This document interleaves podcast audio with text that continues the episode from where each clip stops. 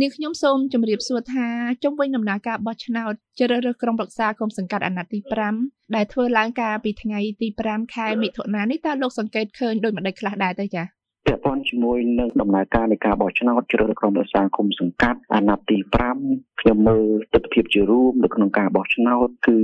มันមានបរិយាកាសល្អសម្រាប់គណៈបកក្រៅរដ្ឋាភិបាលក្នុងការប្រកួតប្រជែងការបោះឆ្នោតនេះបាទគឺយើងមើលទៅនៅក្នុងមូលដ្ឋានរបស់ខ្ញុំកាលណាយើងនិយាយបរិយាកាសបោះឆ្នោតគឺយើងរៀបរាប់តាំងពីដំណើរការនៃការចុះបញ្ជីបេក្ខជនដើម្បីប្រកួតប្រជែងហើយដំណើរការនៃការឃោសនាបោះឆ្នោតដំណើរការនៃការរាប់ស្លឹកឆ្នោតការផ្សព្វផ្សាយលទ្ធផលបោះឆ្នោតបាទខ្ញុំសូមរៀបរាប់ពាក់ព័ន្ធជាមួយនឹងដំណើរការនៃការចុះបញ្ជីបេក្ខជន គឺយើងឃើញថាមានការគម្រាមកំហែងពីហៅថាភាគីមួយចំនួនទៅដល់បេក្ខជនរបស់យើងក្នុងការចូលរួមចូលជាបេក្ខជនរហូតដល់បេក្ខជនមួយចំនួនការភ័យខ្លាចផ្សំដកឈ្មោះរបស់គាត់ពី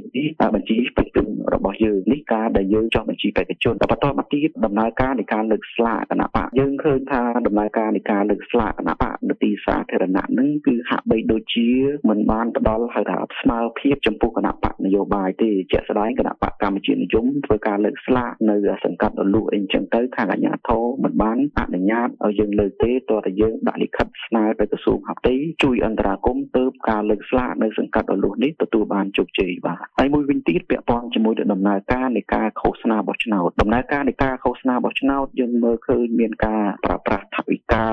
អីចឹងទៅទៅដល់ប្រជាប្រដ្ឋម្ចាស់ឆ្នោតហើយយើងឃើញមានអាជ្ញាធរមូលដ្ឋានគាត់ដើរគម្រាមកំហែងបំផិតបំភ័យអ្នកបោះឆ្នោតកុំឲ្យបោះឆ្នោតទៅឲ្យគណៈបកផ្សេង ហើយនឹងគម្រាមដកបានក្រីក្រប្រសិនបើដឹងថាមានបងប្អូនប្រជាពលរដ្ឋណាដែលមានបានក្រីក្របោះឆ្នោតឲ្យគណៈបកផ្សេងគម្រាមលើបញ្ហាផ្សេងផ្សេងទៀតបាទយើងឃើញក្នុងដំណើរការនៃការឃោសនាបោះឆ្នោតនឹងដែរមានមេភូមិចេញមុខដោយចំហគាត់មិនបានធ្វើខ្លួនគាត់ឲ្យคล้ายទៅជាមនុស្សដែលឯករាជ្យអព្យាក្រឹតយុទ្ធធរទេគាត់បានចេញមុខឃោសនាបោះឆ្នោតឲ្យគណៈបកកណ្ដាលអំណាចទាំងការហែកក្បួនទាំងការដើរចែកខិត្តប័ណ្ណនៅក្នុងយុទ្ធនាការឃោសនាបោះឆ្នោតនេះផងដែរមួយវិញទៀតពាក់ព័ន្ធជាមួយនឹងដំណើរ រការនៃការបោះឆ្នោតនៅក្នុងដំណើរការនៃការបោះឆ្នោតយើងឃើញមានមេភូមិមួយចំនួនគាត់ចូលទៅក្បែរការិយាល័យបោះឆ្នោតដូចជាមានការធ្វើអន្តរាគមន៍ទៅដល់អ្នកបោះឆ្នោតអីជាដើមមួយវិញទៀតដំណើរការនៃការរាប់ស្លឹកឆ្នោតនៅក្នុងមូលដ្ឋានឃុំសភារបស់ខ្ញុំនឹងក៏ដោយនៅក្នុងកំឡុងពេលនៃការរាប់ស្លឹកឆ្នោតយើងឃើញមានហៅថាមន្ត្រីគណៈកម្មការឃុំសង្កាត់រៀបចំការបោះឆ្នោតខាងសិចហ្នឹងគាត់បិទមណ្ឌលបោះឆ្នោតបិទមណ្ឌលបោះឆ្នោតមិនឲ្យហៅថាបេក្ខជនឬក៏មិនឲ្យប្រជាពលរដ្ឋហ្នឹងទៅតាមដានអំពីដំណើរការនៃការរាប់ស្លឹកឆ្នោតនៅក្បែរក្បែរការិយាល័យបោះឆ្នោតដែលមានចម្ងាយ15ម៉ែត្រនោះទេមួយវិញទៀតដំណើរការនៃការប្រកាស លទ្ធផលបឋមយើងនៅឃើញនៅតាមការិយាល័យបោះឆ្នោតនីមួយៗខាងមន្ត្រីការិយាល័យនោះមួយចំនួនមិនបានបិទអំពីតម្រង1102នៅការិយាល័យបោះឆ្នោតទេតើតើយើងទៀមទាទៅគាត់ធ្វើការបិទនៅការិយាល័យបោះឆ្នោតនោះហើយមួយវិញទៀតពាក់ព័ន្ធជាមួយនឹងការចែកតម្រង1102គឺដែលហៅថាកំណត់ហេតុនៃការរាប់ស្លឹកឆ្នោតនោះគឺมันបានចែកនៅក្នុងថ្ងៃបោះឆ្នោតនោះទេគឺក្រោយថ្ងៃបោះឆ្នោតមួយថ្ងៃទៅខាងគណៈកម្មការគុំសង្កាត់រៀបចំការបោះឆ្នោតនឹងចែកមកដល់ភ្នាក់ងារគណៈបកនយោបាយ តើលោកយល់ឃើញដូចម្តេចដែរបន្ទាប់ពីលទ្ធផលនៃការបោះឆ្នោតជ្រើសរើសក្រុមប្រឹក្សាគុំសង្កាត់អាណត្តិទី5រួចមកនេះมันបានទទួលជោគជ័យនៅក្នុងតំណែងជាមេឃុំនោះចា៎ចំពោះខ្លួនខ្ញុំផ្ទាល់ខ្ញុំមិនមានអចិត្តអី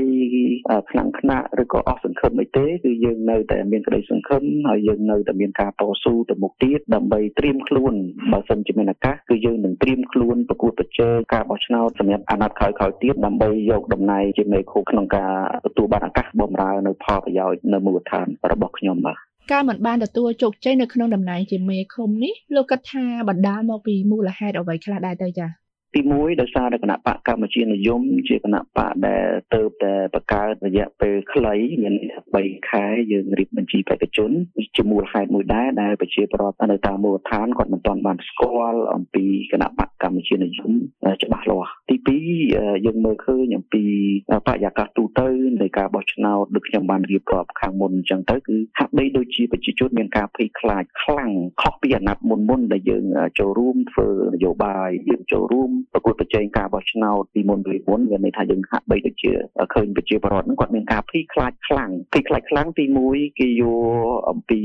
រូបភាពនៃការគម្រាមកំហែងដល់ពីអពីប្រជាពលរដ្ឋម្ចាស់ឆ្នោតហើយទី2គេធ្វើការហៅថាដើរគម្រាមកំហែងអីចឹងទៅទៅដល់ប្រជាពលរដ្ឋមួយចំនួនដែលជាម្ចាស់ឆ្នោតនឹងអំពីរឿងការផ្ដល់សេវាអីផ្សេងផ្សេងចឹងបាទហើយមួយវិញទៀតយើងឃើញមានការចែកជាប្រាក់ជាអីចឹងទៅដល់ម្ចាស់ឆ្នោតនៅក្នុងមូលដ្ឋាននោះបាទ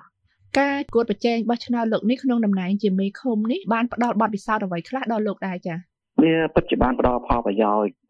ច្រើនមកដល់ខ្ញុំបាទដែលជាបេក្ខជនម្នាក់ក្នុងការប្រកួតប្រជែងការបោះឆ្នោតនេះគឺយើងធ្វើឲ្យយើងនឹងមានចិត្តកាន់តែមានចិត្តតស៊ូបន្ថែមទៀតហើយនឹងត្រៀមលក្ខណៈកាន់តែប្រសើរថែមទៀតដើម្បីទទួលបានឱកាសគូប្រជែងនៅថ្ងៃខាងមុខហើយនឹងយើងនឹងសិក្សាស្វែងយល់អំពីចំណុចខ្សោយរបស់យើងហើយនឹងយើងធ្វើការត្រៀមលក្ខណៈឲ្យបានល្អជាងនេះដើម្បីទទួលបានការគ្រប់គ្រងពីប្រជាពលរដ្ឋនៅក្នុងអាណត្តិខាងមុខខាងមុខទៀត លោកគិតថាចង់ធ្វើជាមេឃុំដើម្បីជួយប្រជាពលរដ្ឋនៅក្នុងឃុំសុភាក៏ប៉ុន្តែនៅពេលនេះលោកមិនបានជាប់ជាមេឃុំនោះទេហេតុដូច្នេះលោកគិតថាអាចជួយអ្វីបានខ្លះដល់ប្រជាពលរដ្ឋនៅក្នុងឃុំសុភានេះចា៎ ខ្ញុំបានគិតហើយគឺទោះបីជាមានការគ្រប់គ្រងពីប្រជាពលរដ្ឋមិនបានធ្វើឲ្យខ្ញុំនឹងទទួលបានតំណែងជាមេឃុំក្នុងការចូលរួមដោះស្រាយបញ្ហាជូនប្រជាពលរដ្ឋនៅក្នុងមូលដ្ឋានឃុំសុភានេះក៏ដោយខ្ញុំមិនធ្វើឲ្យសម្លេងប្រជាពលរដ្ឋរបស់ឆ្នោតដូចខ្ញុំចំនួន357នាក់នេះអស់សង្ឃឹមនោះទេយើងនៅតែចូលរួមក្នុងការធ្វើជាពលរដ្ឋសកម្មនៅក្នុងមូលដ្ឋាន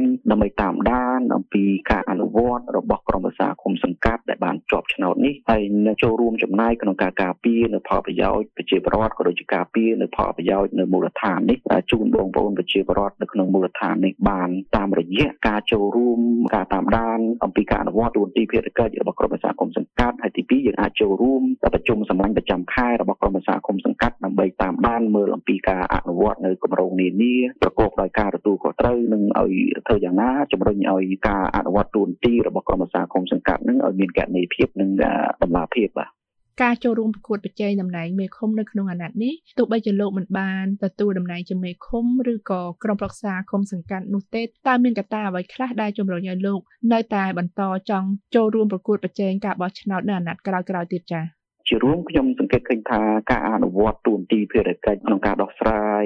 បញ្ហាជូនប្រជាពលរដ្ឋនៅតាមមូលដ្ឋានឃុំសង្កាត់នីមួយៗមិនមែនជាការងាយស្រួលប្រហែលទេដើម្បីដោះស្រាយបញ្ហានៅក្នុងមូលដ្ឋានឃុំសង្កាត់នីមួយៗឲ្យបានល្អប្រសើរវាអាស្រ័យលើកត្តាធំពីរចម្បងចម្បងទី1មានន័យថាគឺយើងត្រូវការធនធានមនុស្សជាចាំបាច់បន្តមកទៀតយើងត្រូវការធនធានហិរញ្ញវត្ថុជាចាំបាច់ដើម្បីដោះស្រាយអំពីបញ្ហានោះប្រកបដោយប្រសិទ្ធទ្ធភាពខ្ញុំគិតថាកត្តាមួយដែលជំរុញទឹកចិត្តឲ្យខ្ញុំនៅតែមានការតស៊ូក្នុងការប្រកួតប្រជែងតំណែងជាតែជាមេឃុំហ្នឹងគឺកត្តាធនធានមនុស្សហ្នឹងគឺជាកត្តាមួយចាំបាច់ក្នុងការដោះស្រាយបញ្ហានៅមូលដ្ឋានទី1ហើយទី2យើងចង់ប្រើប្រាស់នៅកញ្ចប់ថវិកាមូលនិធិគុំសង្កាត់ដែលរដ្ឋា ភិបាលបានធ្វើវិធីទៅនឹងឲ្យមានតម្លាភាពឲ្យចំទិសដៅឲ្យមានប្រសិទ្ធភាពដើម្បីឆ្លើយតបជាមួយនឹងអ្វីដែលជាសេចក្តីត្រូវការរបស់ប្រជាពលរដ្ឋនៅតាមមូលដ្ឋាននីមួយៗហើយយោងតាមការសិក្សាជាក់ស្ដែងកន្លងមកនេះយើងឃើញថាការប្រើប្រាស់មូលនិធិគុំសង្កាត់របស់ក្រមអាសាគុំសង្កាត់នីមួយៗហ្នឹងគឺមិនទាន់មានតម្លាភាពនិងទូលំទូលាយ